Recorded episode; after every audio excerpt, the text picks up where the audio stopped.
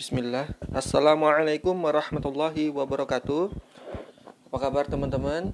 Semoga selalu dalam keadaan sehat alfiat Dilimpahkan rezekinya, dilancarkan silaturahminya Dan dimudahkan jodohnya Amin Baru-baru ini viral berita tentang penggerbekan pesta seks oleh komunitas gay di daerah Kuningan, Jakarta Selatan. Correct me if I wrong. Namun, aku nggak akan membahas tentang perilaku penyimpang seksualnya. Karena dalam Islam sudah jelas, para ulama juga menjelaskan bahwa perilaku seks menyimpang gay dan LGBT haram.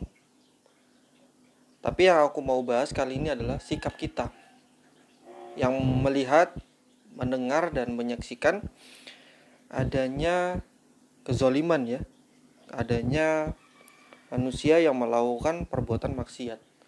Respon apa yang harusnya kita lakukan? Karena Rasulullah SAW bersabda yang artinya Barang siapa di antara kalian melihat suatu kemungkaran, maka hendaklah ia merubahnya dengan tangannya. Jika tidak bisa, maka dengan lisannya. Jika tidak bisa juga, maka dengan hatinya. Itulah selemah-lemahnya iman. Dari hadis ini kita bisa ambil sebuah kesimpulan bahwa tidak ada pilihan diam atau pilihan netral ketika kita melihat sebuah kemungkaran. Minimal kita menolaknya dengan hati.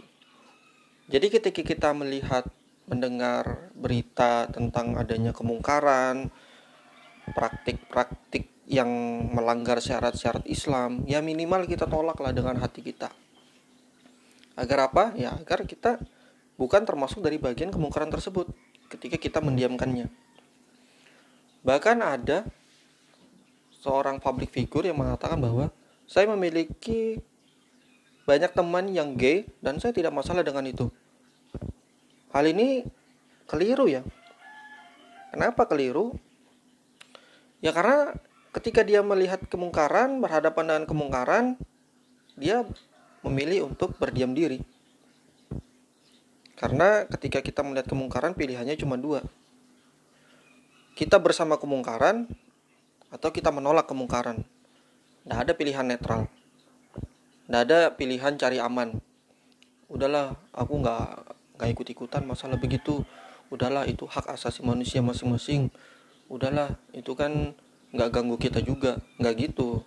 Dalam Islam, setiap kemungkaran wajib kita ingkari kalau mampu dengan tangan, dengan kekuasaan, kita lakukan. Kalau tidak mampu, dengan lisan kita. Bagaimana dengan lisan? Kita dakwah. Mengingatkan. Nggak mesti harus langsung kepada orang yang bersangkutan. Bisa jadi kita nge-share suatu kajian atau hadis atau eh, kata-kata apa dari para ulama di dalam sosial media kita.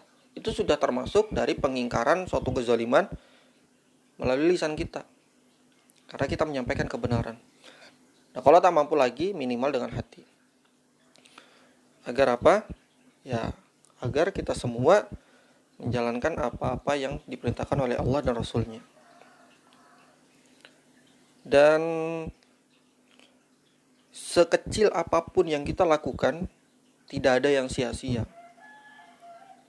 Kan ada tuh yang bilang, Alah apa sih ngaruhnya kita cuman mengingkari dengan hati atau bahkan eh apa sih ngaruhnya kalau kita bikin postingan-postingan gitu? Toh mereka juga akan makin banyak. Toh kecil kemungkinan mereka membaca postingan kita. Toh mereka tetap akan begitu walaupun sudah mendengar bahkan dari ulama yang ngasih tahu aja mereka masih ngelak. Apalagi cuman kita yang ngasih tahu. Ingat ya teman-teman sesungguhnya tidak ada yang sia-sia karena apa? Karena bukan dampaknya yang dipertanyakan oleh Allah Subhanahu wa taala atas sikap kita, bukan dampak dari sikap. Tetapi itu menegaskan di pihak mana kita berada saat terjadi kemungkaran. Kita di pihak Allah atau kita di pihak kemungkaran. Itulah pentingnya sikap kita dalam menanggapi suatu kejadian kemungkaran. Semoga Allah mudahkan kita untuk menolak setiap kemungkaran yang terjadi di sekitar kita minimal dengan hati kita. Kalau kita belum mampu berbuat kebaikan, minimal kita mencintai kebaikan. Kalau kita belum bisa meninggalkan kemungkaran, minimal kita membenci kemungkaran tersebut. Itulah semoga Allah beri hidayah kepada kita semua. Semoga Allah jaga kita dan keluarga. Sekian dulu podcast kali ini. Sampai berjumpa di podcast selanjutnya. Wassalam.